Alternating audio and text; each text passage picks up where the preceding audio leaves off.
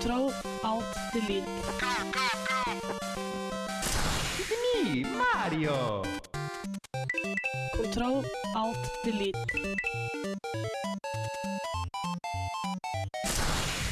Unable to comply.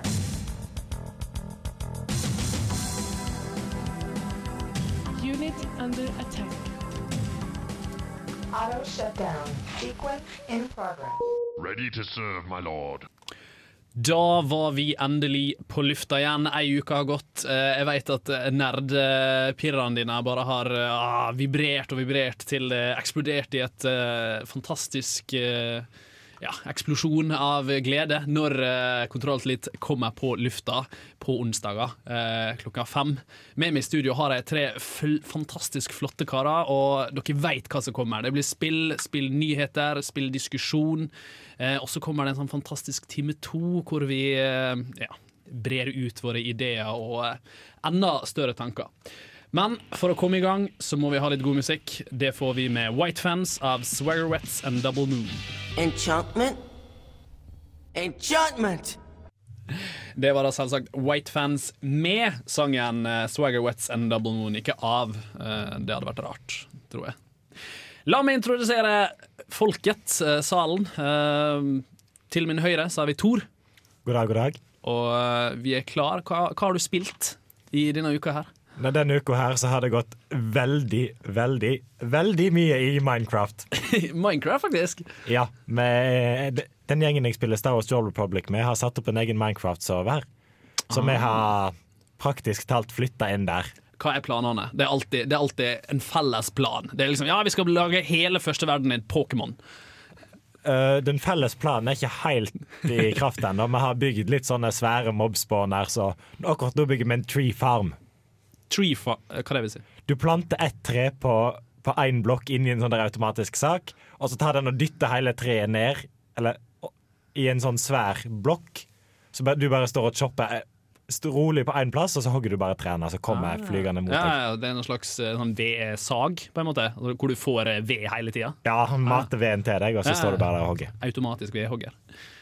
Uh, til min venstre så har vi Bård. Hei, hei, hei. Jeg hoppa over midten. Jeg synes det var litt gøy. Får en liten, eh, hva har du spilt denne uka? Jeg har avslutta Mass Effect 3, Oh. og så har jeg spilt et uh, jobbsøknad til Double Fine, faktisk. Det Du var har, en, litt, du har spilt jobbsøknaden til Double Fine? jeg har spilt en jobbsøknad som ble sendt til Double Fine. Det er en uh, tysker som tok og lagde en uh, jobbsøknad i formen av sånn gammeldags point and click à la Monkey Island 1 og 2, og sendte den til Double Fine i håp om å få en sånn internship. Så den var ganske sjarmerende og artig å spille, og jeg skal ta og legge den opp på eh, Facebook-sida vår. Radio Revolt presenterer Kontroll alt litt. Ja, nesten så vi må støtte han fyren og håpe han får seg en god jobb. Hvis det bra spill, da. Hvis det var dårlig spill, så har jo ikke vi lyst til å ha han i Double Fine. nei, nei, det var veldig sjarmerende og god humor og alt mulig rart. Ja, det er bra. Og hva, hva var din reaksjon til Mass Effect 3-slutten? Eller den Den- du fikk, da? Jeg ble skuffa først, men så fant jeg tak i på nettet, så fikk den meg til å endre helt, og nå er jeg veldig gira på den slutten. For det skal vi prate litt mer om seinere. Til å gjøre. noe vi også kommer til å legge ut på Facebook. Så eh, bare ik- ik- ikke gå for langt fram. Først må vi høre hva Hallgeir har spilt denne uka. Å, jeg har eh, eh, Ja, jeg anmeldte jo Mass Effect 3 til forrige uke, så eh, fruen eh, var litt uh, fornøyd med hvor mye jeg satt på dataen, for å si det sånn. så jeg har ikke fått til å spille så veldig mye, men jeg har funnet tilbake til uh, FM12, save-fila mi, der jeg styrer Huddersfield United i i andredivisjon i England. Fremdeles, da, eller? Har du fått deg opp? Nei, jeg har ikke fått meg opp ennå. Jeg, jeg har ikke kommet så forferdelig langt. Litt over halvspilt sesong, bare. Det- FM12 er vel kanskje det ene spillet som ikke har en slutt, føler jeg. Ja, det, det, det har i hvert fall ikke noe slutt, så Du kan få sparken, mener jeg å si, hvis du gjør det jævlig dårlig. Ja, men altså, da får du nok jobb i Hødd. ja, du får i Hødd. Norske Hødd. Ehm, det lover an til ei eh, ligger an til ei god, eh, god sending, rett og slett. Uh, forhåpentligvis så er Mathias Stubø enig med Soon a Brighter Day.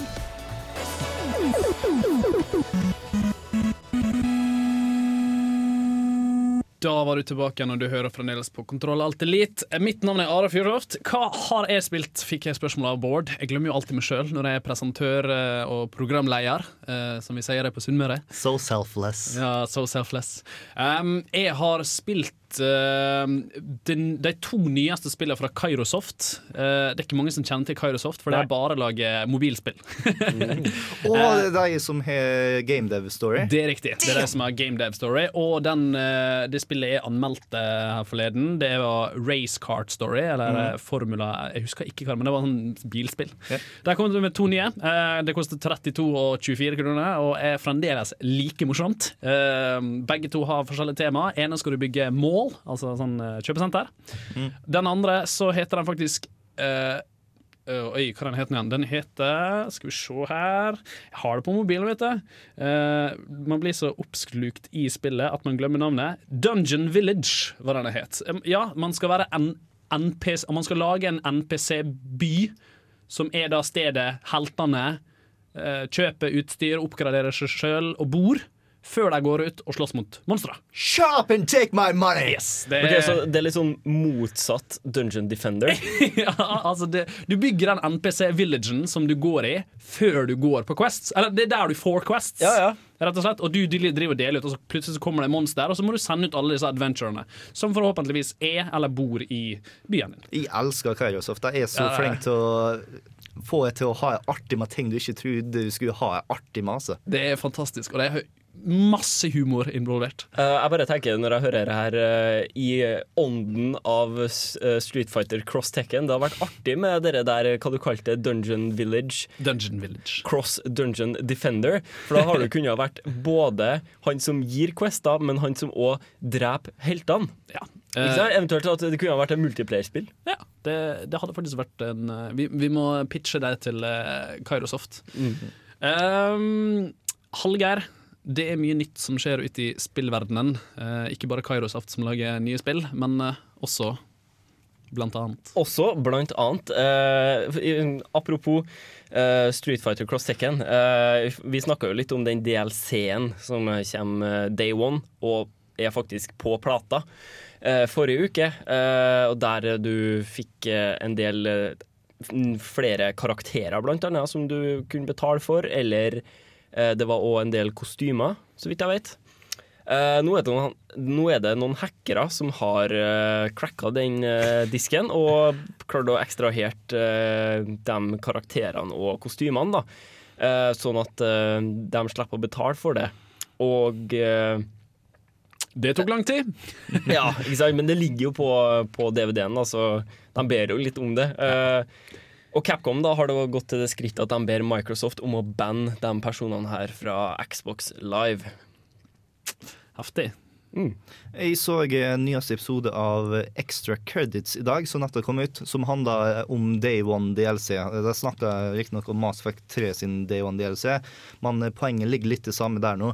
De påpekte at mesteparten av DLC-en som blir solgt, er de som kommer Day One eller innen løpet av den første uka, fordi at da sitter jo spiller, ta spilleren nå. Hvis DLC-en kommer ut en måned etterpå, selv om du likte spillet, så sitter du nå med Final Fantasy 15-12 eller noe sånt som her nå. Bare sånn, nei, nei, nei. Jeg plukker det opp senere når jeg er ferdig med å ta spill her nå. Men før du er ferdig med å ta spill her nå, så kommer det et annet spill som du har lyst til å spille. Enda spill. Og du plukker aldri opp de DLC-ene der nå. Så Day One DLC det er kanskje ikke artig for oss forbrukere, men det er litt nødvendig for de som lager. Altså, Jeg har egentlig ikke så mye mot Day One DLC i seg sjøl, så fremt den på en måte har en grunn til at det kommer på Day One, og at det er en god eh, et godt kvalitetsprodukt for en billig penge. Men når det kommer på disken, så virker det så kynisk. Det, det er som at du skal kjøpe deg en colaflaske, og så er den nederste kvarte delen er avskilt av en membran som bare kan løse seg opp hvis du betaler ti kroner ekstra til Coca-Cola. Ikke sant? Det, Det, er- det, det, jeg syns det er dårlig gjort. Ja. Nei, altså når det, ikke er, når det ikke engang er i ordets rette forstand downloadable content. Nei, det er unlockable content. Det er unlockable content, så det blir ULC, eh, som også er Unreal. Tournament. Ja, Unreal Tournament. så um, det, det, går ikke. Vi er, vi er tom for akronymer, de må bare slutte opp. Ja. Men altså, det blir jo på en måte Thor, eh, Starcraft eh, Kunne du ha sett for deg at Blizzard kommet seg unna med, med å gjøre noe sånt? Altså, Blizzard er jo et av de største der ute, men de har jo, de har jo ikke DLC. Hva? Da tenker du på sånn eh, DLC-units eller noe sånt? For eksempel at du får eh, ekstra, ekstra skin. da La oss si det da, La oss ikke gå så kraftig at det forandrer gameplayet, men la oss si at du får en ny, eh, en eh, ny eh, Zerg-skin, da hvor alle blir plutselig grønne og ser ut som aliens. Ser ut som aliens. Feil. Zerg er vel i teorien aliens, men du tenker vel på den stereotypiske Ja, grønne mannen. Men la oss si at du fikk tilbudet. Hadde du kjøpt det? Nei, for Søk ser awesome ut i utgangspunktet. ikke sant? Så uh, det, det ligger litt sånn der Hvorfor?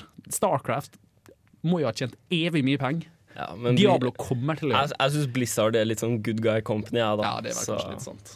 Både òg. Ja, Uansett, både det er vel mer som skjer. Ja, det er mye mer som skjer, faktisk. Eh, det, EA har bestemt seg for å stenge en del spillservere, og det er jo liksom ikke noe sånn oppsiktsvekkende at de gjør det. Det er spill med lite folk som spiller på, og de begynner å dra litt på årene. Men eh, et par av de spillene her er såpass nye at de har eh, og det der online-passet som eh, en del EA-spill eh, har kommet med, som gjør at eh, for å spille online så må du enten kjøp spillet retail, eller så må du kjøpe en DLC der du får en kode, på en måte.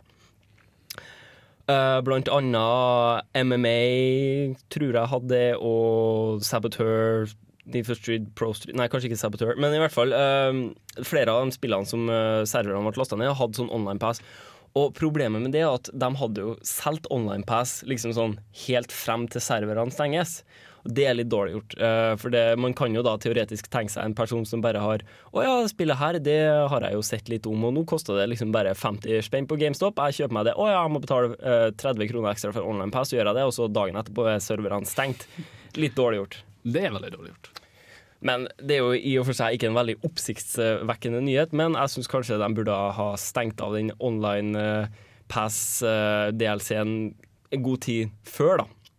Eventuelt gjort det gratis. Men nå er vel EA kanskje ikke akkurat de De er ikke good guy Gregs, for å si det sånn. eh, kundeservice. Alta er nå litt det at ingen har gjort sånn som Terne før, så det holder på å teste ut vannet, og jeg tror EA ikke kommer til å gjøre det på samme måten neste gang dersom folk tar og sier EA, nei!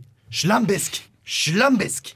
Eh, de gjorde jo det med Halo 1-serveren. Den husker jeg sa fra nå stenger vi, og så var det noen som bare Nei, jeg nekter! Og så satt jeg og spilte, fordi serveren ville ikke stenge før alle hadde logga ut. så de satt og spilte sånn sammenhengende, de logga aldri ut. Samme med Halo 2, som var, var det siste spillet på den originale Xbox Live-plattformen. Så vidt jeg husker, der spilte de og spilte de og spilte de. og spilte de. Eh, vi får håpe sånn dedikasjon eh, bringes videre. Eh, EA må lære noe. Her kommer Woodland med The Devil On Your Shoulder.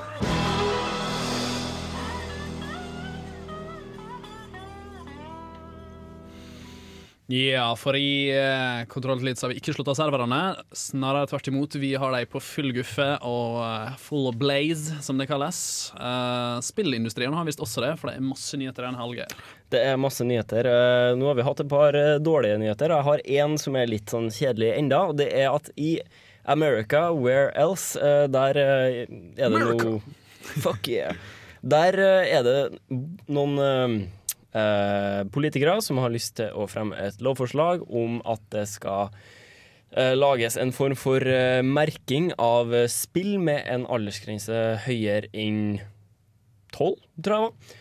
Som skal ligne på den vi har på røykpakkene i dag. Sånn spilling kan være skadelig for ja, For ting og tang. Det er vel først og fremst det at de skal prøve å ha en sånn cross mellom at det er beviselig eh, eh, sammenheng mellom det å spille voldelige vold, eh, spill og det å bli voldelig i seg sjøl.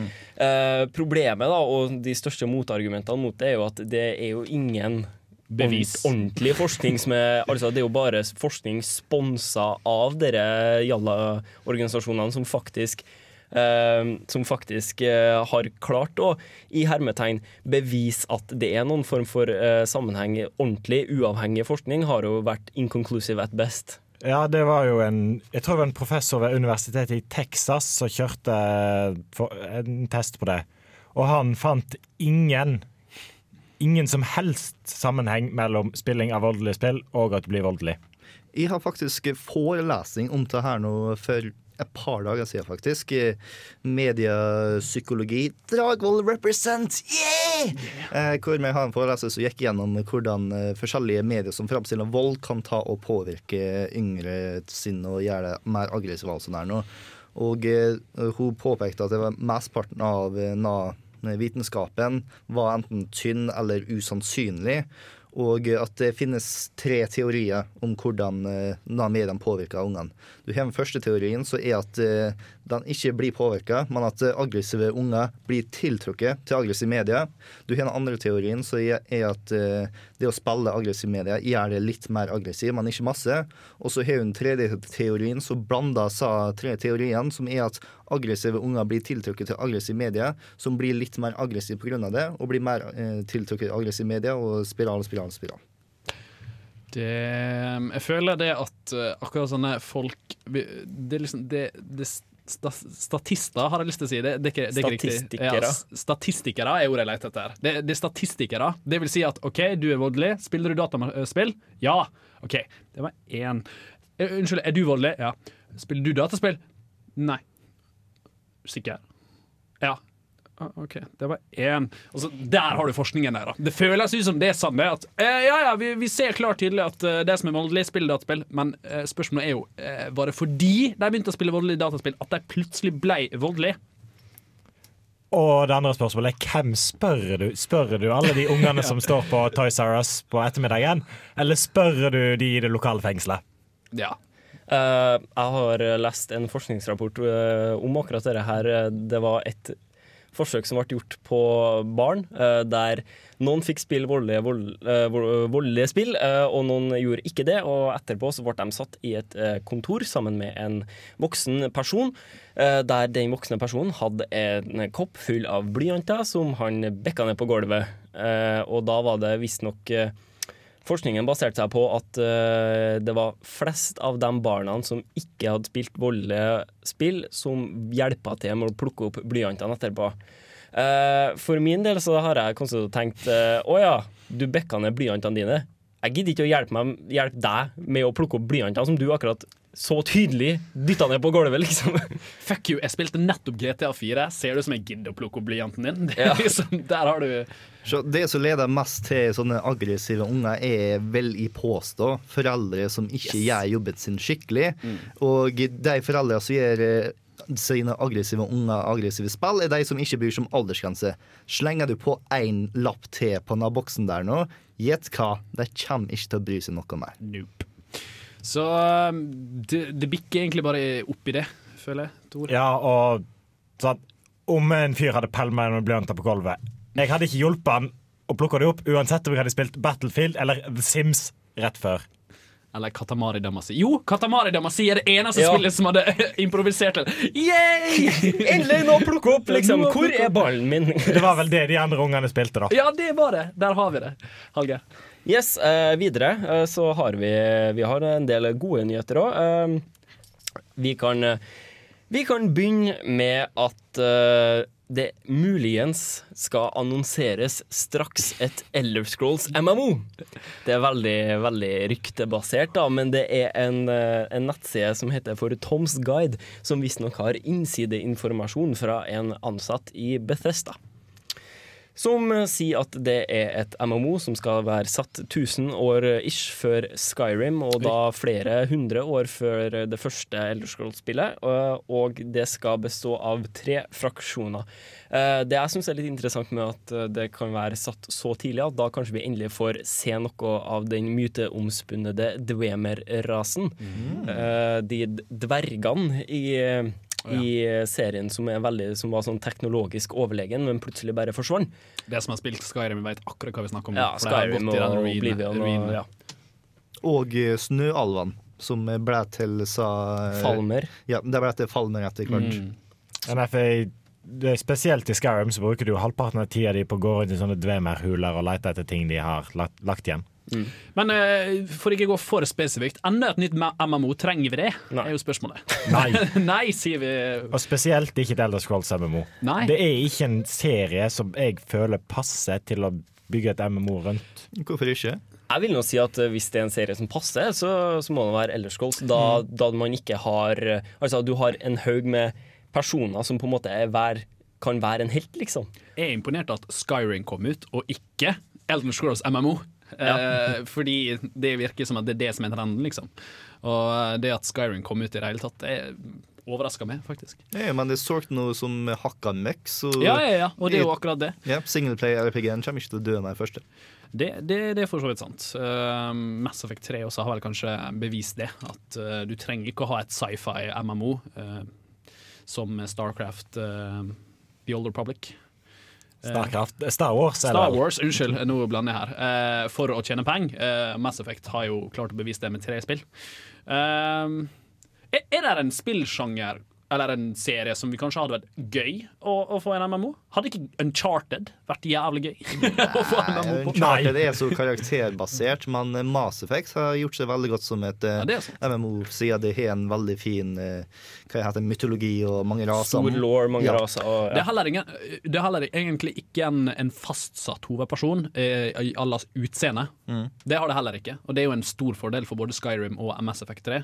Begge to kan jo egentlig bare lansere en MMO på omtrent de spillmaskinene de har nå, og få, få et bra resultat. Ja, og Skyrim eh, var jo det første Elder Scrolls-spillet der på en måte helten din var spesiell. Altså I de forrige Elder Scrolls-spillene så var jo du bare en eh, helt tilfeldig person som har akkurat kommet av eh, Eller klart å bryte ut av fengsel, og plutselig ble uh, hero of Zero Deal eller Morrowind eller whatever. liksom. Your hero Kavach! Ja.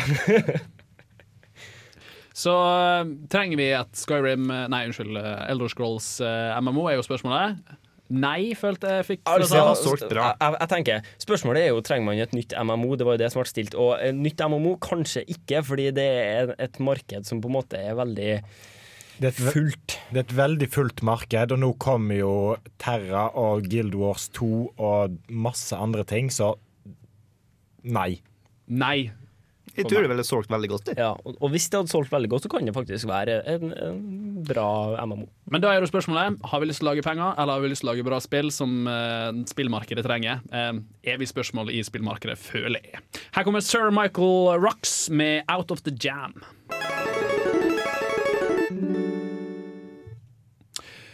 Det var herlige toner her fra eh, Jamrock. Eller eh, jeg klarer ikke å uttale disse rappernavnene med, med nok creds til å stå, stå igjen med stoltheten. Eh, Det er Sir Michael Rocks med Out of the Jam. Eh, det spiller ingen rolle. Hallgeir, Bioware eh, er i striden for tida. Eh, I vinden, kan I vi vinden, heller si. Eh, jo, eh, for det første så kan vi nå si at ja, Mass Effect 3, hoho, yay.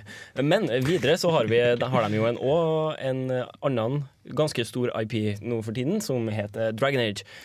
Og uh, de hadde egentlig planlagt å gi ut en expansion pack til Dragon Age 2, så på samme måte som at Dragon Age 1 fikk sin awakening, ikke sant?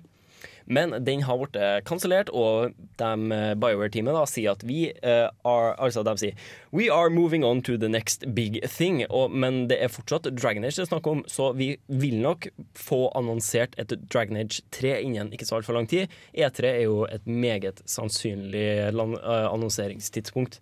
Uh, Dragon Age 3, for min del så håper jeg de går litt tilbake til Dragon Age 1-formlene i stedet for Dragon Age 2. Uh, jeg vet ikke, er folk enige med meg i det? Jeg likte Dragon Age 2, men ikke så masse repeterende bakgrunner og bruke samme to dungeonene bare passert på andre måter. Altså, for min del, altså, så det, mitt største problem med Dragon Age 2 var at vi har den awesome fienden i Dragon Age 1, The Darkspawn, og liksom bygger opp en stor law rundt det og liksom har mange kule fiender. Altså, i, I Dragon Age 2 så er det bare ja, fight the Templars. Yay. Men eh, det som, er, det som overrasker meg, er at det kommer så fort. Eh, Har ikke vi nettopp fått uh, Dragon Age 2? Uh, kom ikke det sånn halvt år siden? eller noe sånt? Et år siden, mener jeg. Ja, Rett cirka år et år siden. Mm. Cirka et år siden. Likevel, jeg syns det er for kort. Jeg følte det at det å få en spill nummer tre i spillserien var liksom ni år etter mellom. Ja, I hvert fall i sånne type serier. Ja, sånne store som det. Nå kan vi jo nevne Assassin's Creed, da, hvis du syns Ja, det er jo- det spillet kommer for fort. Det er jo for så vidt sant. og- Men så kan vi òg nevne Baldur's Gate, eh, for det, der har vi en som ikke Der har fått veldig mange oppfølgere på ganske mange år, for å si det sånn. Ni år. På ni år. Eh, og Baldur's Gate er jo en BioWare-tittel, eh, og den skal nå få en remake. Eh, av Overhaul Games, der de essensielt skal lage Baldur's Gate 1 og 2 på nytt, bare med awesome graphics and gameplay og alt sånt der. Forhåpentligvis også voice acting. Ja, forhåpentligvis. Det var mitt største problem med Baldur's Gate når jeg skulle prøve å spille det for et sånn halvårs tid siden. Så bare det, det funker ikke å spille et så gammelt spill, for jeg har ingen nostalgifølelse i det hele tatt for det. Og det var null voice acting, dårlig grafikk, dårlig gameplay. liksom det. Da kan, da kan historien være ganske god for min eh, del uten at jeg gidder å spille. Altså. Jeg sleit med samme problemer selv når jeg prøvde same. Det, innlevelsen var ikke så veldig der når du har opp den. Mm. Og eh, det da Overhaul Games også sier at det langsiktige målet deres er å lage nettopp Baldur's Gate 3. Eh, og da kanskje vil få pengene til det gjennom en sånn kickstarter som har vært veldig Veldig eh, effektfullt for, eh, for eh, Double Fine og hva heter han som skal lage Wasteland 2 nå? Wasteland 2-folket. Ja, dem. Ja, ja. Ja, Det var veldig, veldig effektivt for dem. Jeg så noe lignende skjema, HD Collection til Sly Cooper, hvor de som tok og fiksa HD Collection der, nå endte opp med å lage Sly Cooper 4, som kommer om en stund. Det lover godt, egentlig. Eh, egentlig ikke imot remakes. eh, HD-remakes, som eh, vi har fått bevist i Shadow of the Colossus. Det er lov. Så lenge Og- ikke spillene er for ny. Riktig. Her kommer Greenleaf med Sunken Ships. Kontroll, Alt Delete.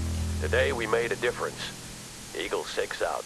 Today We Made a Difference. Tor, det er noen som prøver å lage en annen difference, uh, som forbausa meg da jeg hørte om det. Ja. Azotec, som er en uh, veldig kjent kjølerprodusent, de er, lager veldig gode vannkjølingssystemer for stasjonære PC-er. Nå lager de òg vannkjølingssystemer, eller prøver å lage vannkjølingssystemer for bærbare PC-er. Det er akkurat den reaksjonen jeg fikk. Fordi det, det føles ut som det er en sånn flasketing. Det er sånn du kan helle ut. Du har den i bagen din, så, sånn, «Ah!» så fyller du på med kaldt vann. Ka- Kanskje det er for eh, gameren som ikke har lyst til å reise seg fra sofaen når han må pisse. Så du kan bare pisse på ei flaske, og så bare feste den flaska til dataen din. Hvordan skal de få til dette, Tor? Nei, de har allerede på Det var vel en Alienware M, M18. Så har de trykt et vannkjølingssystem ned som demo. Og de klarer det uten å forandre størrelsen på selve maskinen. Fordi de, de klarer å trykke komponentene tettere sammen når de får vannkjøling, fordi det blir mer varm, termoeffektivt. Og eh, det her vil jo forhåpentligvis gjøre at vi får mye bedre bærbare maskiner etter hvert. Og mer stillegående. Ja, det er jo må tas med en klype salt. For hvis du trykker mer heftigere komponenter inn, så må du fortsatt ha ei vifte for å få kjølt det- dette vannet Der Ja, få ut støvet. Altså, Sant. Ja, for det, det, det er jo tre spørsmål på en måte som jeg eh, får umiddelbart i hodet når jeg hører her. Sånn, for det første, vil eh, datamaskinene kunne bli mye bedre? Vil de bli stillere? Og vil de bli mye dyrere? Og, og, og hva effekt vil dette her ha for bærbarheten av en bærbar laptop? Eh, Vil den skvulpe bare i sekken? ja, ja, for eksempel. Nei, den vil nok neppe skvulpe i sekken din. Men på de andre spørsmålene, de vil antageligvis bli dyrere. I hvert fall de med vannkjøling, fordi kjølesystemet vil bli mer komplisert. Og ytelsen vil nok antageligvis gå en god del opp, fordi du kan trykke veldig mye kraftigere chips i maskinen og fortsatt klare å holde det under de kritiske temperaturene. Microsoft også driver på med noe veldig spennende, Hallgeir. ja, Microsoft de har, eh, de har lagt ut en stillingsannonse der de ber om eh, programmerere og konseptutviklere og alt sånt der til en ny eh, tittel. Altså en såkalt firedobbel A-tittel, altså AAAA-tittel, og det er ikke en skruvefeil, for at det, det er en tittel som gjentar seg mange ganger i stillingsannonsen. Eh, og det syns jeg er litt artig, for nå er det jo på en måte trippel A vi opererer med, som skal være de store IP-ene, ikke sant? Eh, ja, hva er det her for noe? Er det bare et PR-stunt? Er det the game to kill all other games, eller eh, er det et spill som skal komme til den neste konsollen deres, som den konsollen de sier ikke skal bli annonsert i det hele tatt i år? Jeg tror det er den som kommer etter den. Det får iallfall tiden vise. Eh, Microsoft og eh, hva det het Aztec. Aztec. Eh, Asutek, er det ikke? ja, de lager ting. Det, det er godt å høre at spillindustrien er på vei fremover. Eh, jeg antar at vannkjøling er for gamere, ikke for vanlig. Her kommer Mac DeMarco med I'm a Man.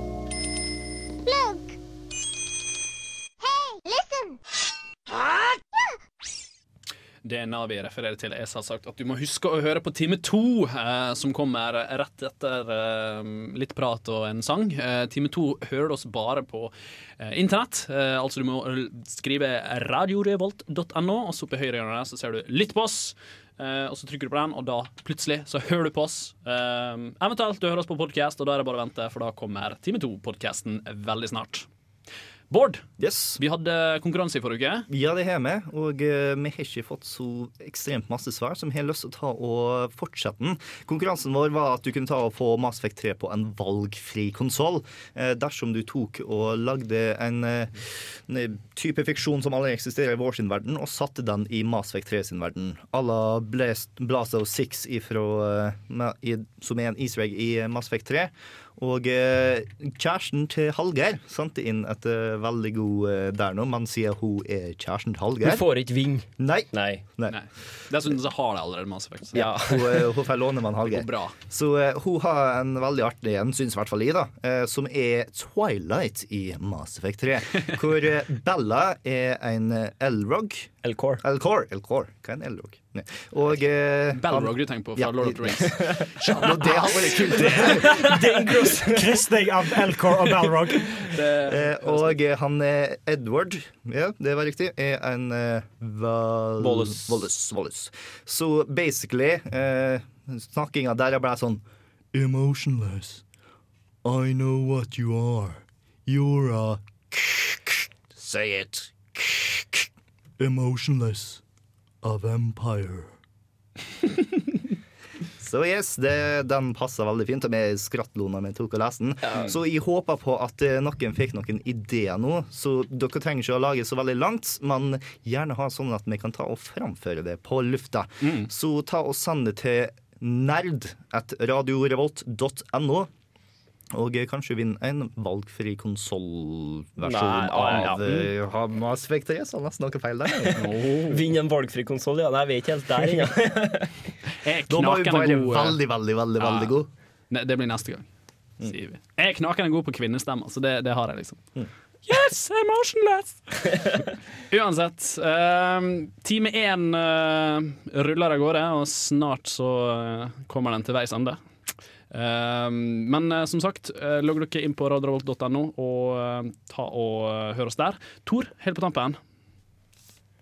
Så eh, må vi også informere om at eh, i time to eh, så skal vi ha noe som kalles debatt. Eh, og eh, hva det vil si, har ikke jeg lyst til å avsløre. Jeg føler at debatt er stikkordet dere trenger for å bli frista. Så kan vi jo nevne at eh, nå på søndag så er det en eh, event som skjer her i Trondheim. Det skal være Barcraft på Three Lions. Det er rett og slett eh, livestreaming av Starcraft. Det er MLG Columbus som skal skje. og jeg oppfordrer alle til å komme på Three Lions på søndag for et knakende morsomt arrangement med god stemning, Starcraft 2 og masse øl. og Jeg tror mange av oss som skal være der, i hvert fall. Og det Du blir finner nok. Altså, der er øl, og der er Starcraft. What's more Og der to er. Ja, der er ja, vi. Ja, og der er vi. Ja, da kan dere hilse på oss. Og kom bare for å få en autograf eller en handshake eller en klem. Eller en eh, ja, hva som helst, egentlig. Det er klokka sju på søndag. Hør oss på podkast. Her kommer Sade Decode of the Glow.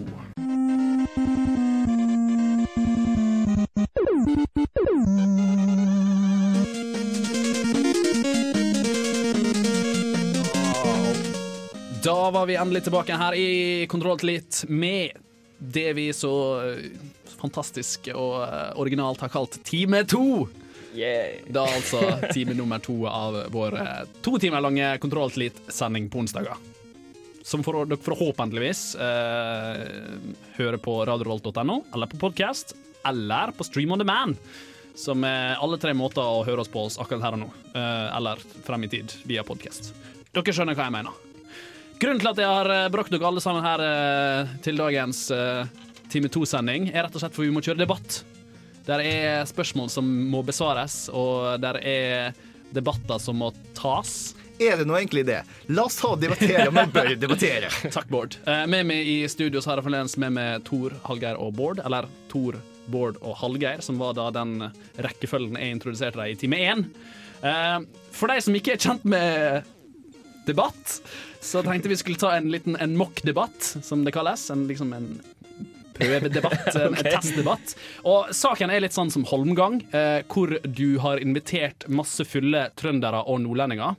Eh, Førstemann til å ta ordet får ordet, eh, og jeg skal bare prøve å styre det.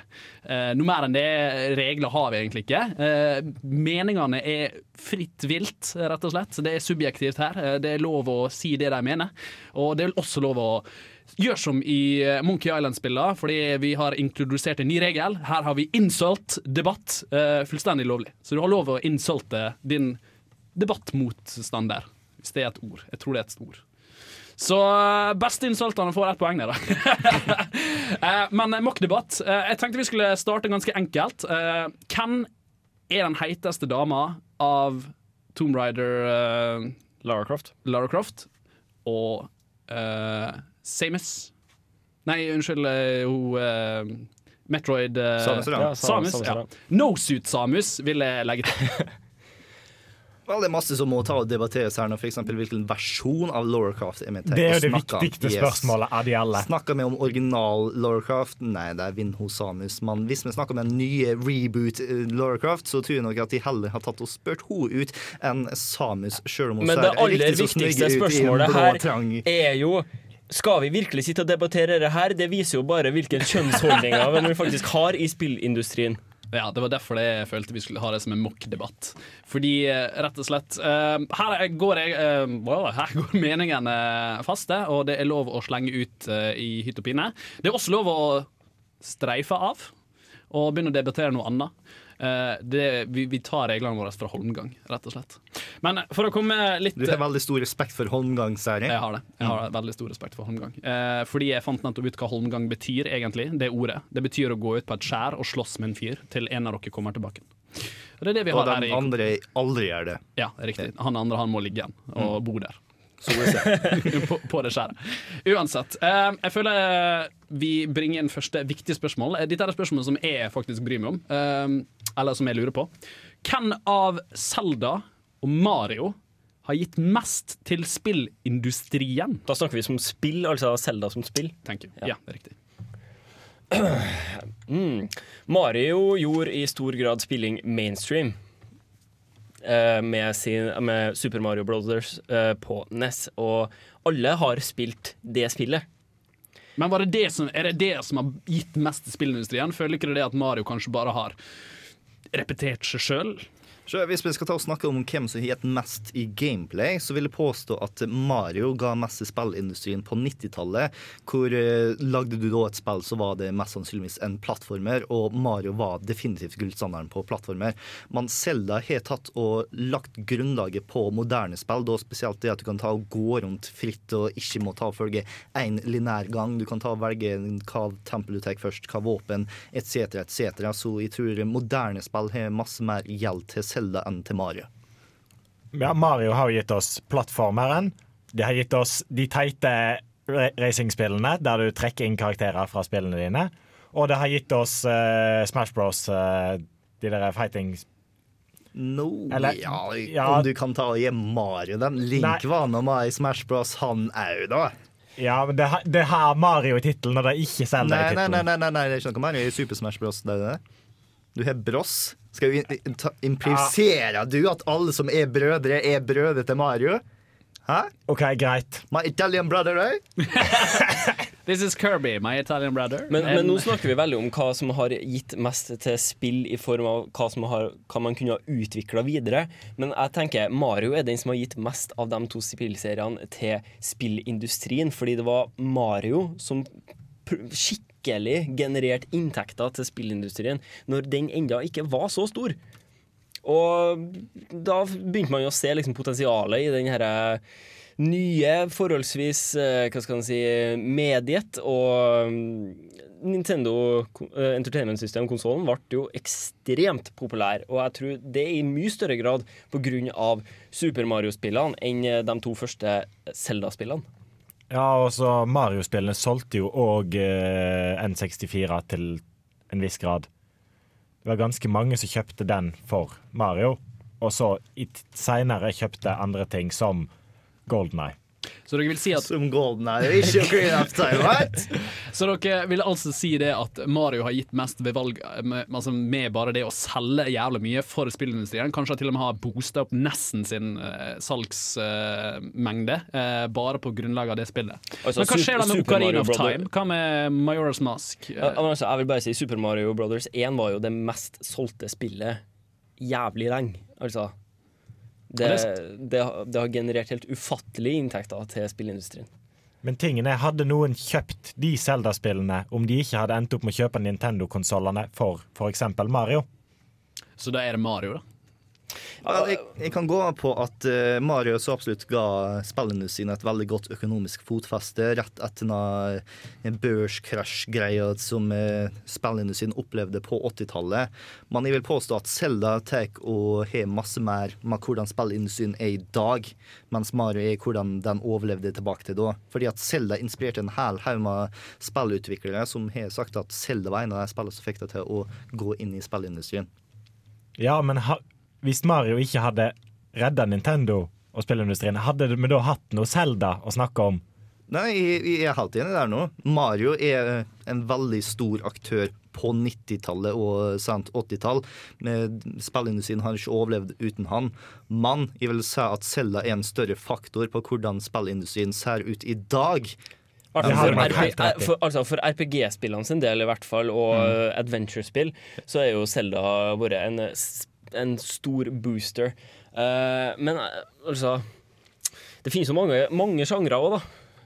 Uh, som på en måte ikke er inspirert av Zelda. Du har jo FPS-sjangrene, pek-og-klikk-sjangrene. De har jo Igjen friheten Zelda-spillet introduserte, hvor du kan ta og gå overalt i stedet for én bestemt retning. Open world Ja. imot de der såkalte trange, lineære korridorene, som òg for så vidt er veldig populære i dag. Spesielt i FS. Så vi klarer ikke å bli enige. Det her liker det. Det er god debatt, folkens. Eh, jeg jeg vil si det at eh, jeg føler sånn personlig, eh, selv om jeg egentlig ikke skal ha meninger her Jo da. Du er moderator. Ja, Zelda føler jeg har gitt mest til spillindustrien i form av spillmekanikk. Der jeg er helt enig med Bård. Eh, men Hallgeir og Tore har et poeng med salg. Eh, og ikke minst Thor sitt eh, argument med at hadde Selda vært her, hadde det ikke vært for Mario? Det er jo et interessant spørsmål å stille, som vi aldri kommer til å vite. Eh, men det er også på en måte å si hadde Amerika finnes, eller hadde Amerika vært så stor, hadde det ikke vært for britene. Det, det, det var umulig å svare. Eh, om, det bare, om det var, la oss si, Tyskland som fant Amerika først. Hvordan hadde det vært da? Men hva er en debatt uten spørsmål det er umulig å svare på? Ikke sant. Så jeg føler at vi må forlate den debatten og gå videre til uh, en sang. Fordi uh, vi har mye bra spillmusikk. Her er jeg henta fra en av mine favorittsanger fra 2011. Uh, Fra et lite ukjent DR-spill som er kalt Radiant Historia med The Edge of Green. Det var Radiant Historia, The Edge of eh, Green, eh, som så fint Tor eh, holdt på å avbryte. Eh, vi er ikke ferdig med debatten. Vi ble nettopp enige om at eh, jo da, både Zelda og Mario har bidratt til spillindustrien. De har bidratt på sånn to forskjellige måter, så Jeg føler at eh, vi må ta et litt mer sånn quickfire-spørsmål. Street Fighter eller Tekken? Tekken. Careface. Careface, Uh, har du ikke noe forhold til Street Fighter eller Tekken? Jeg kan ikke fordra fightingspill generelt. Vi skulle nesten hatt Erik Wiberg, som er forresten hjemme for, for, på sykdom. Eh, på grunn av sykdom. på sykdom. På grunn av sykdom. Eh, han eh, driver den, nettopp i disse tidene her og anmelder Street Fighters versus Tekken. Eh, Cross. Cross Tekken. Nei, nei, nei. Versus. Mye bedre. De har vel hatt, hatt et spill som heter Versus tidligere, eller noe sånt? Har de ikke det? Ja. Eh, ja, det mener å si at jeg har. Men i så fall, det er jo gøy å ha de to mot hverandre. Fordi Street Fighter Street Fighter føler jeg ypper en fight med hvem som helst. Street Fighter versus din, og Street Fighter versus uh, den. Det er liksom alltid Street Fighter som driver og ypper Det er jo Street Fighter det er Ryu, vet du. Ja. Med den forbanna hadoken sin. Hadouken! Det at alle spill vil ha den, så Men ok, la oss stille det på den samme måten. Hvem av Street Fighter og Tekken har eh, bidratt eh, mest til eh, Hva heter her eh, Hva heter den sjangeren? Fighting-sjanger. Fighting-sjanger. Ja. ah, Det må vel være Street Fighter, tror jeg. Uh, med sin eh, arkadebegynnelse på 80-tallet med Street Fighter uh, Uno, dos, tres og Nei, ikke tres, men med sin turbo og alfa og Hooper Turbo Alfa 2. Er, er, er- er fighting-sjangeren en døende sjanger? Han burde i hvert fall dø. Burde dø. Du, jeg, t- jeg tror kanskje det. For det eller Det og- siste ja, Soul Caliber kom kom vel ut. Det er det siste jeg har hørt fra fighting-sjangeren, bortsett fra Tekken. Nei, Street Fighter 4. Da. Jeg, jeg tror kanskje at den kommer ikke til å dø ut på lenge. Men det virker ikke som at den er er så god til å rekruttere uh, nye folk. For jeg tror mye av dem som spiller fighting-spill, er faktisk dem som gjorde det uh, på 90-tallet. Og den begynner vel å bli ganske gimmicky, egentlig. Ja. Litt sånn eh, versus-spill. Det er jo samme hele tida. Det, det skulle liksom bare vært alle, street, nei, alle fighterspillene bare samles til ett spill, og så kaller vi det spillet noe nytt. Og så kan du velge alle karakterene fra alle spillene, fighterspillene, som fins. Altså, jeg vil jo si at ethvert spill som blir crossa med Mortal Kombat, ville jo vært kult. da Altså, Forestill deg bare rive beina av Dalsim. Kanskje vi skulle ha sagt Street Fighter eller Tekken eller Mortal Kombat. Det er vel de tre Ja, det er de tre store. Du har jo Soul Calibur, du har jo Fighter Nei, Fight, fight Final King, Fi- Fight. King of Nei, Fighters. King of. Fighters er en, Ja, ja. King of Fighters, Den er, den er jo stor og kommer mange spill. Ligner veldig på Street Fighter. Den. Jeg ligner veldig på Street Fighter. Ja. Um, for de som er observant, så har vi mista Bård, så vi må hente inn til Bård. Imens så spiller vi dere en herlig Hør på denne her jazz-eksellensen fra LA Noir med sangen Minor Ninth. Og nå fikk jeg veldig følelsen til det bare stå i en svart-hvitt gatehjørne med en sigarillos i handa og røyke og litt ubarbert og hatt og frakk og snakke om ei dame som nettopp kom inn på kontoret mitt og trengte hjelpa mi og sånn. Det Men ikke så altfor god belysning heller. Nei, det er um, absolutt uh, en god setning. Ellen Noir har god soundtrack. Uh, spillet var varierende, fra briljant til horribelt, men uh, soundtracket var solid, iallfall. Mm. Vi eh, har debatt. Uh, vi har fått Bard Bård Bard, Bard. Yes, vi snakket ut fordi at Bard. Bard. Yeah. Eh, Vi snakka så masse at vi ble tørst, og da var jeg den som sprang for å kjøpe brus, og bunnpris har kø. Yes. Eh, jeg spurte guttene her eh, mens du var borte om eh, du, du skal få lov å svare med ett ord, Ja. eller med ett svar. Eh, Street Fighter eller Tekken eller Mortal Kombat. Street Fighter. Ja, det er bra. bra. Noen som vet hva de liker. Eh, debatt. Er Ocarina of Time det beste spillet noensinne? Jeg har noen subkontekst her. Metacritic har nemlig en liste over det beste spillet ever i forhold til alle reviews som er samla og skrevet om det spillet, og har laga en sånn score av det. Ocarina of Time har den beste, med 97. Det er riktig. Over spill som Mass Effect, uh, Skyrim, Half-Life Half-Life 1. 2, The Orange Box. Er Ocarina of Time det beste spillet hittils? Altså det, er, det kom ut i 1998. Dette her er da 14 år siden. Har vi virkelig ikke hatt et bedre spill? Jeg, jeg sa samme som det jeg sa eh, da jeg anmeldte 3D-remaken. Du er nødt til å se den i kontekst. I 1998 så vil jeg si at det var det beste spillet. Nå har jeg kommet spill som har forbigått det, men det er fremdeles et av mine største favoritter fordi at eh, det er slikt et awesome spill. Men eh, ja. Det, I enkelte måter jeg kan se på, så er Ocarina of Time det beste. På andre måter jeg ser på, så finnes det spill som er bedre. Men de fortjener absolutt å ha en gigantisk høy eh, metacritic score. Hallgeir, Half-Life 2. er det beste spillet i verden? Ja. Uh, Det kom jo ut i 2004. 2004 ja. Så det har ikke Eh, kommet et bedre spill på åtte år, da, for å si det på den måten. Nei, vet ikke, jeg, jeg tror nesten ikke det. For at det, det som er med Half-Life 2, det er at eh, det har en spillmekanikk og en grafikk som holder seg superduper godt i dag.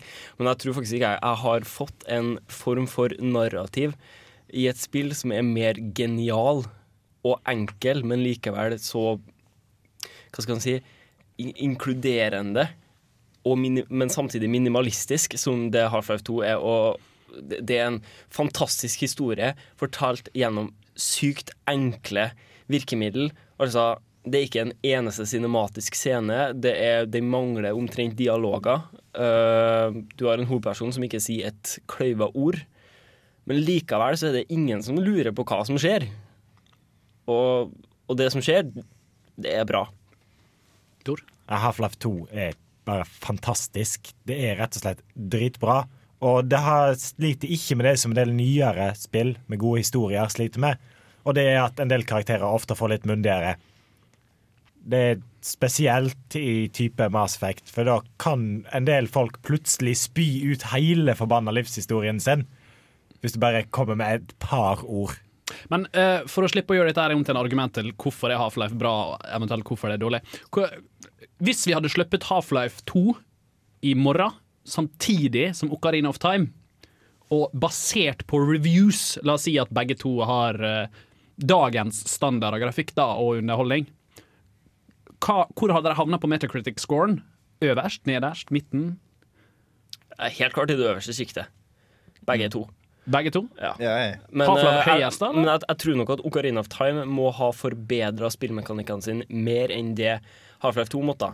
Så grafikk er én ting, altså grafikken kan jo oppgraderes til det uendelige, men spillmekanikken er på en måte litt satt. Og jeg føler Ocarina of Time må gjøre eh, en del tweaks for å på en måte kunne konkurrere med big boys innenfor RPG-sjangeren, sånn som den ligger an i dag. da. Ja, Ocarina of Time, det ligger litt det, Du merker at det er veldig lenge siden det ble laga når du spiller det i dag. Det er litt tungvint å gjøre en del ting, men Half-Life, det er så enkelt. Og det er ingen grunn for å sette seg ned, ikke sette seg ned og spille Half-Life og ha en fantastisk opplevelse nå. Når var det sist du spilte Ocarina of Time? Jeg kan være skeptiker. ja, for jeg spilte Ocarina of Time på 3DS-en, og jeg følte svært sant at det var tungvint å gjøre ting, egentlig. Men det må jo nevnes at i 3DS-en så har de jo tatt vekk en del av det. Det har tweaka litt. ja, altså spesielt det sånn meni-navigeringa og sånt er vel lettere og Ja. mye raskere, og at du mye raskere kan skifte mellom items og sånne ting. Mm. Det er litt sånn sånne, sånne ting. eh, targeting og, og sånn, da, som på Mm. en måte er litt eh, banen til Ocarina of Time, sånn som det ligger, ligger an i dag, da. Men jeg vil påstå at vi skaper et tidsparadoks her nå. Fordi Mm. at begge spillene var nyvinnende på sin tid. De skapte en massevis av nye ting som folk i senere år har tatt og plukka opp og til og med forbedret på enkelte aspekter. Så det kan hende at eh, Half-Life 2 og Ocarina of Time, siden de ikke var de som skapte sa tingene her nå, ikke ble like stor og like godt mottatt som det ble tilbake på den tida. Samtidig så når vi, når vi snakker om det som kanskje er det beste spillet som finnes, så er det en uh, liten outsider som jeg vil nevne her, som godt kan være verdens beste spill, og det må være World of Warcraft. Fordi det er så latterlig bra, så latterlig stort, og altså Antallet subscribers alene uh, forteller jo sitt. Og det er jo et spill som kom i 2004, men er ennå. Mm. Så, eh, men for å gå tilbake til spørsmålet mitt, er Ocarina of Time det beste spillet hittils? Har det altså ikke blitt laga noe bedre spill? Og da kommer vi med svaret jo. Half-Life 2 kom jo ut i 2004 Fire. og knuste den eh, pokalen ned fra Om ikke, Knust om ikke knust, kanskje Dytta. litt borti så han ramla av, liksom. Oppfølgingsspørsmål. Er Charlie Angels til GameCube det dårligste spillet noensinne? Hva med Super-Ørman til N64? Hva med Dr. Jekyll og Mr. Hyde? Det er godt, det er godt spørsmål. Det er gode spørsmål. Det er, kan, jeg tror ikke de to er med. Jo, jeg mener Supermann er med, men ikke Dr. Jekyll og Jekyll Hyde. Det tror ikke jeg, for det var for gammelt rett og slett, for å være med i Metacritic. Altså, Broken, Age bro, 3. Ja, det, det var dårlig, men det var ikke så dårlig at broken det slår. Charlie Angels til GameCube. Som da er den dårligste scoren på Metacritic, hvis det var noen som lurte på hvor det spørsmålet kom fra. Hva var den scoren? Hvis du husker det? Eh, 3,2 Å, helvete! Det er dårlig. Fyrt av ass. hunder. av 100. Det ja. er dårlig. Eh, Til sammenligning så fikk uh, Ocarina of Time 97. Ja. Jeg tror ikke jeg har sett noe spill under 30, faktisk, på Metacritic. Eh, For tingen er at skal du, skal du ha mindre enn 30, så må jo spillet være rett og slett broken. Ja, det, det, må, Uspillbart. det er alltid snakken som liker jeg, vet du. ja, altså i hvert fall like noe med det. Vi eh, holder debatt. Vi fortsetter med debatt. Eh, jeg liker eh, svaret her. Charlie Angels. Ja, ja, ja, hvorfor ikke? Ingen av oss har spilt det, mest sannsynlig. Ingen av oss har Og spilt takk noe pris for dårligere, i hvert fall. Her kommer et av de bedre spillene jeg har spilt. Derimot The Lost Vikings med um, Just soundtracket another day. Thank you. Det var som sagt The Lost Vikings med Just Another Day. Skikkelig upbeat. Du, du, du. Fikk jeg lyst til å spille jeg fikk lyst til å spille The Lost uh, Vikings. Jeg husker det at jeg spilte The Lost Vikings for en fem år siden. Men uh, det spillet jeg hadde fått tak i, uh, la oss si på en eller annen måte uh, slutta sånn 70% inn i spillet. Det vil si at det bare klikka. Uh, Save-filene ville ikke gå videre, osv. Er du klar over hvor irriterende sant det er? Du, eh, apropos det, har du hørt om spillet Gunman? Som er en Half-Life 1-mod som på en måte ble så stor at det ble utgitt som et eget spill. Ja. Eh, jeg har det spillet, men eh, jeg har rota det bort, så jeg syns det var helt legitimt også å anskaffe meg det på litt mer eller mindre ulovlig vis. Jeg fant CD-coveret til det, liksom, og så prøvde å punche inn den koden i Steam, men da fikk jeg heller bare The Half-Life 1 Anthology. Av en mm. Det er tydelig bare sånn at ja, den koden kan bety så mangt, liksom. Men uansett, da, så har jeg lasta ned det på litt uh, halvlugubert vis, og, og når jeg hadde kommet meg helt seriøst til sistebossen, sånn, altså jeg skulle ut og gå inn døra til sistebossen, så ble eh, spillet broken. Nintendo gjorde noe ta ma vilje på uh, Nesen eller Super Nintendo når hva en Earthband kom ut på. De tok eh, og fiksa sånn i koden at hvis det ble piratkopiert, så ble spillet sånn ti ganger vanskeligere. Og så var det et spill som var vanskelig fra før. Og hvis du klarte å holde ut og kom deg til siste bossen, så tok spillet og starta helt på nytt. Ja. Der, er, som, der er folk som runder det spillet bare på gøy, liksom. Og så eh, Batman Arkham City. Der nå i eh, piratversjonen der nå, så kan du ikke ta og gli med vingene. Hvis, oh, hvis det er spi- eh, piratkopiert. Eh, debatt. Hvilket spillfirma, etter din egen mening, har gjort den mest vågale bestemmelsen i spillhistorikken? Nintendo. Nintendo har tatt så mange crazy decisions opp gjennom året at uansett hvem andre du får på bordet, så har Nintendo mer kvantitet uansett hva. Virtual Boy, vi, bare navnet vi alene, og ikke bare maskiner. Alt mulig rart. Og det fungerer for deg. Nintendo var jo de eneste som egentlig var jeg vil si teite nok til å gå for uh, motion controls som hovedkontrollplattformen til sin nye konsoll. Så de får jo den bare på det. Ja, men jeg vil, jeg vil samtidig si Lionhead Studio, som ansetter Peter Molyneux som sjef. Det er en god nummer to. Det er en god nummer to. Da vet du hva du får, altså. Forestill deg Peter Molyneux jobber for Nintendo. Oi! Oh my God. Han i samme rom som Sigera Mimoto. De hadde aldri, de hadde aldri kommet ut. Han i samme rom som deg som designa designer hardware. Forestill deg den måten å spille på. My God! Da, du, da hadde vi kanskje faktisk fått en helt sånn virtuell konsoll som du bare setter på øynene, og så spiller, spiller som liksom med din egen kropp. Nei, jeg tror har- at hvis de har satt seg sammen i samme rom, så har vi kommet så endt opp med det. Jeg veit hva du hadde fått. Du hadde fått en kontroller. Du ikke brukte med fingrene, du brukte den med tærne. Ja. Du, det vi har, Som et par sko du tok på deg. Vi har endt opp med the singularity. Ja. Maskiner og mennesker har blitt ett, og hele verden har blitt ett stort dataspill. Er det noen som har fått med seg den eh, fake Twitter-kontoen til Peter Molyneux? Ja, det er så bra. Som er fantastisk. Eh, Vi kan eh, poste det på Facebook for den lytteren som ikke er kjent med det. Det er rett og slett bare en fyr som har laga Peter Molyneux sin Twitter-konto, og så driver han og legger ut weird ass spillforslag. Ja. Altså Pitcha, Pitcha ideer. Helt crazy spill. Ja. Favoritten min er et spill hvor du tar og styrer et komma, og fienden din leser, så du må ta og hele tida hoppe på neste plass der eh, Nei, ikke komma, punktum jeg burde være, sånn at den ikke legger merke til at du er der nå. det, det, denne her Twitter-kontoen. Og det som er så gøy, da, det er at uh, nå har, er det vel Double Fine uh, som har introdusert eh, spillverdenen til å si Fuck it! Vi likte dette her så godt at nå uh, inviterer vi til en game jam. Så jeg vil si at uh, alle finner en eh, pitch fra en Peter Molyneux sin fake Twitter-konto og lager det spillet. Og så har vi en game jam og viser hverandre spillet og har det gøy. Og game jammen heter vel, så vidt jeg vet, What Would Molly Do? Det er fantastisk. Um, What would Molly do er vel kanskje en debatt i seg sjøl. han fikk jo nettopp sparken her fra forleden. Ja, han sa opp. Eh, han sa opp, ja, sa sagt. Så hva han eh, gjør fremover, framover, det blir spennende å se. Uh, som Bård eh, nevner. Kanskje har han dukker opp i Nintendo. eh, han skal vel starte opp et nytt eh, firma som heter 22 Cans, eller tror jeg. Ja. Jeg ser for meg han kunne lett ha jobba med Katamari eller noe sånt. Å, ja. Oh, lett. Det, det er han. Um, la oss skifte litt gir. Er vi gamere, geeks, nerds eller casual gamere? Vi som i oss her i rommet. Vi er i hvert fall ikke casual. Vi holder på å diskutere spill på radioen. Du har gått et godt stykke vekk i- derifra. Jeg vil egentlig kalle meg både gamer, geek og nerd. Jeg har ikke noe imot eh, alle de navnene. Hva er du mest? Geek, vil jeg tro. Geek? Ja. Hallgeir? Ja, altså, nerd er jo vel eh, ganske kjedelig å være, egentlig. Eh, sånn per definisjon.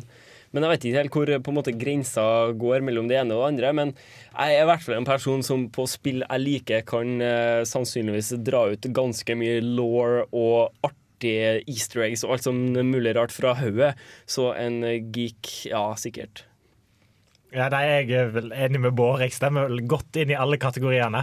Eh, jeg ser for meg sjøl som en gamer, egentlig. ehm, I og med at min kunnskap er stor, men den er aldri spesifikk nok, føler jeg. Eh, Den er alltid nok på alt, men ikke langt nok på noe. Ja, for det er liksom definisjonen på nerd. Det at du har én interesse og er svært interessert innenfor akkurat den interessen, men det ellers det blir nedprioritert veldig.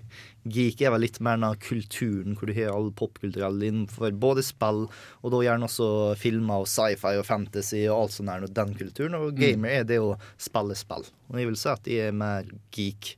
Jeg liker meg innenfor den kulturen. For det er ofte jeg går ei uke uten å spille noe sånt. der. Jeg er vel kanskje mest gamer, jeg òg. For jeg sitter stort sett og spiller hvis jeg ikke har noe å gjøre. Det kan være jeg gjør 14 andre ting samtidig, men det kjører stort sett et eller annet spill.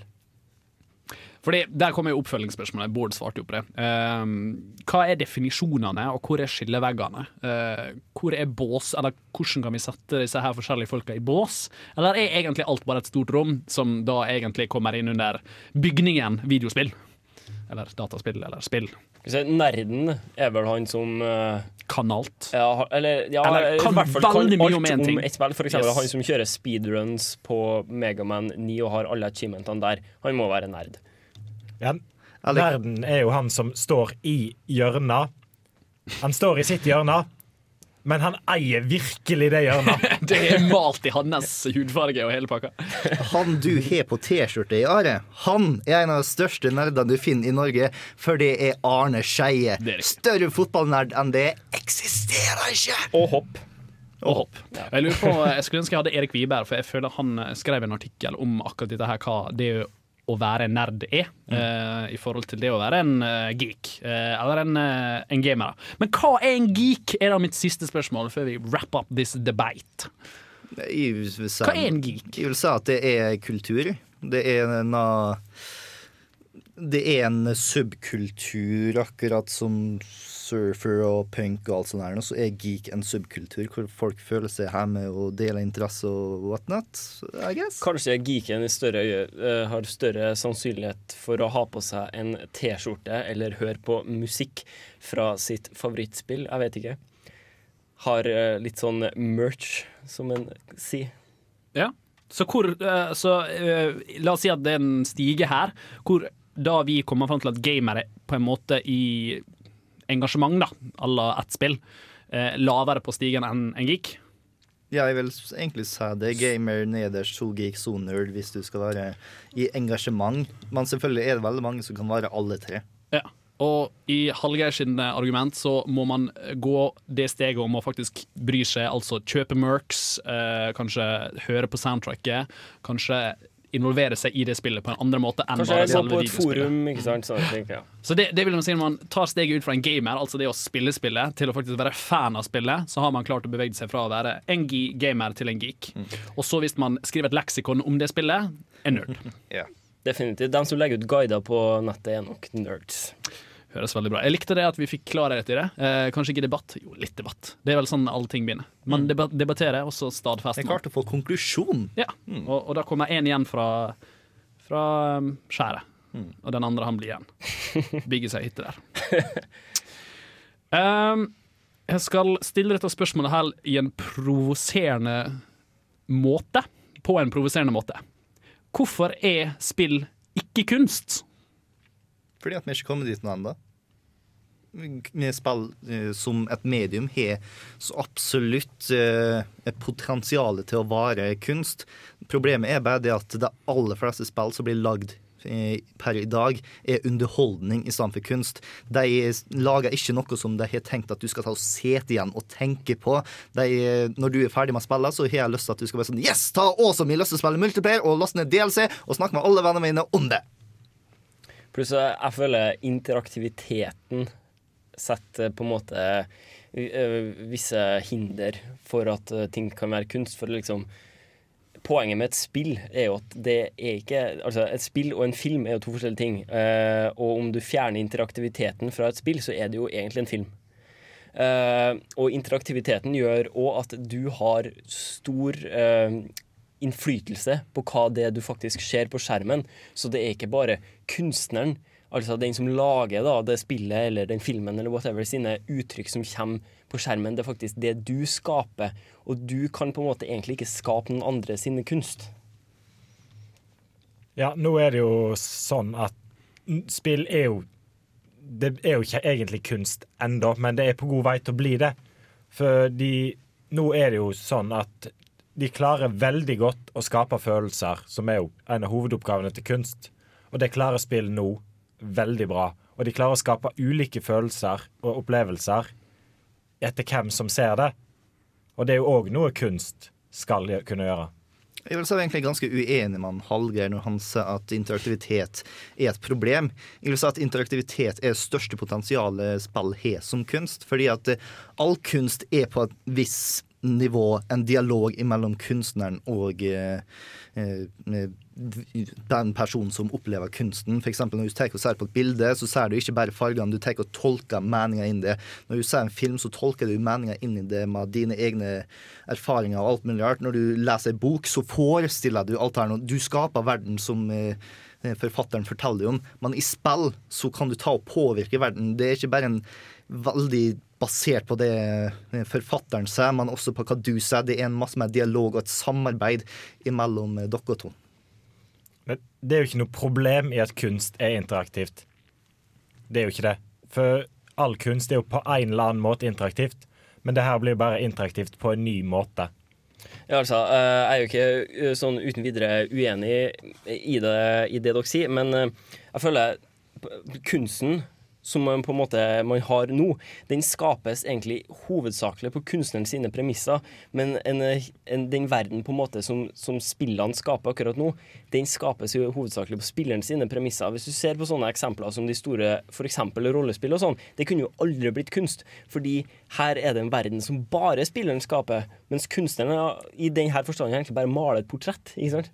Jeg, jeg merker at dette var et spørsmål som eh, brakte en skikkelig debatt. Eh, vi må kutte her, iallfall, fordi nå har uh, lytteren uh, hørt på nok prat. Vi fortsetter denne debatten her rett etter Little Big eh, Planet-musikk. Uh, med litt hyggelig horny old man.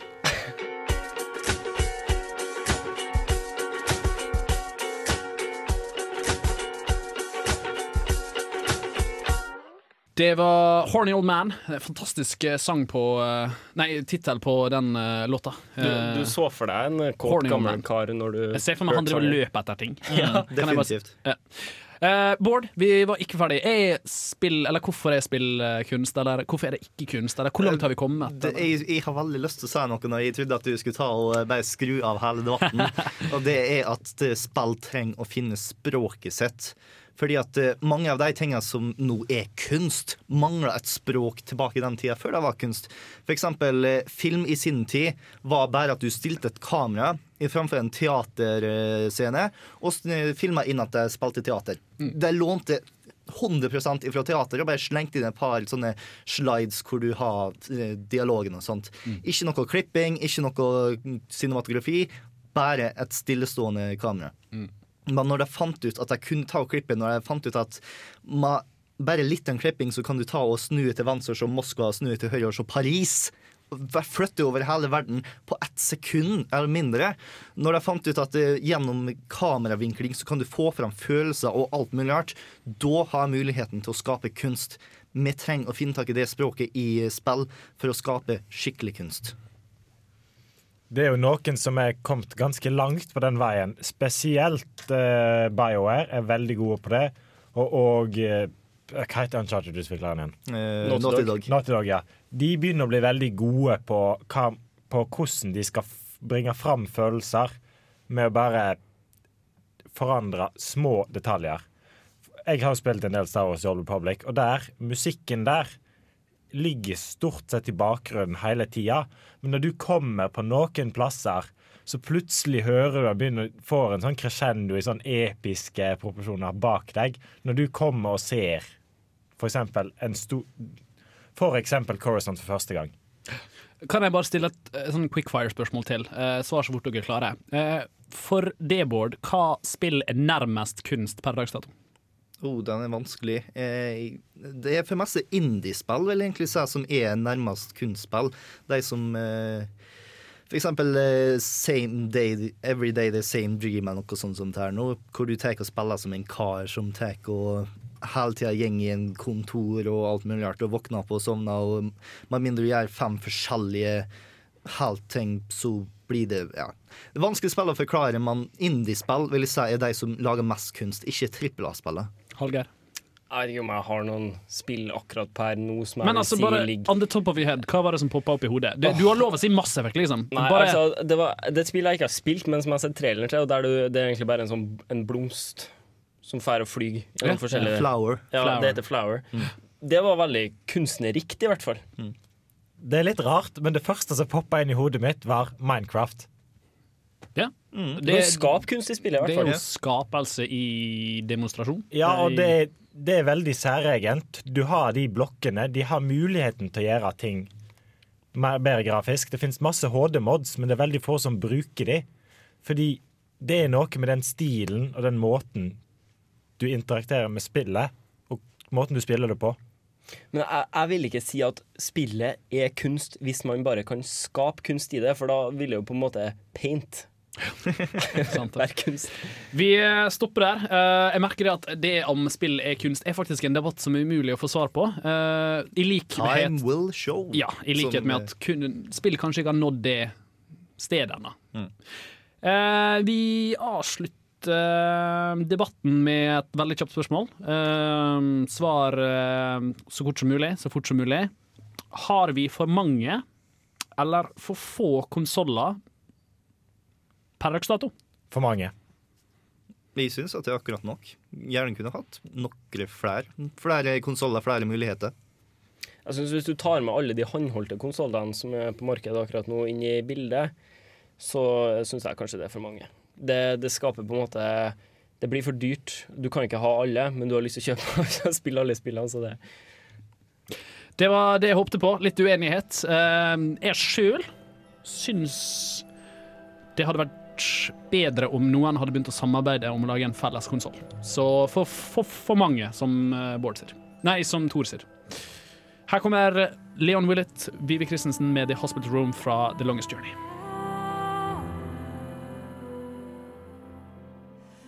Leon Willett og Vivi Christensen der i samarbeid. Uh, The Hospital Room het sangen fra Dreamfall. The Longest Journey heter den, unnskyld. Selvsagt har jeg. Hare da. Eh, Jeg følte at eh, debatt må vi ha oftere, på lik linje med spørsmål fra salen eller spørsmål fra Lytterne. lytterne. Eh, To gøye sendinger ligger an til, og det er sånn fantastisk konsept som vi kan ha mange ganger i den fantastiske timen Time Folk kan ta nå oss dersom de har spørsmål de har lyst til at vi skal debattere. Are. Nerd at radiorevolt.no. Um, og så prøver jeg å komme på samtidig som jeg sier det Facebook-sida vår, som da er Radio Revolt presenterer. Kontroll Alt litt. Eh, du finner den sikkert hvis du bare søker Kontroll Alt litt, men det er det vi heter. Mm. vi har en Twitter-konto som vi ikke bruker. bruk Bruker litt. Bruk litt. Prøve. Men Prøve. vi må jo det. Det er noe som eh, Peter Monjø Nei, Molinjø. Mo- Molinaux. Molyneux har eh, begynt å lage sånne fantastiske Twitter-meldinger. Eh, og så kan du nå oss på Barcraft på søndag i Trondheim. True that. Tree Lions klokken syv Stemmer. og utover. Bård, yep. masse vekt. Mm. hva skjer? Vel, eh, greia er at eh, Mass Effect 3-slutten er det en god del folk som ikke er fornøyd med i hele tatt! Jesus fucking Christ, så folk frika ut! BioWare må ha de mest bipolare fansa ever. Enten så elsker de BioWare og alt de gjør, eller så er de så drita sur på hva faen jeg har gjort nå! Det er sånn Yes, Mass Effect 3 kommer! Day One DLC, hva faen? Å, Mass Effect 3 er awesome! Mass Effect-tegninger, hva faen?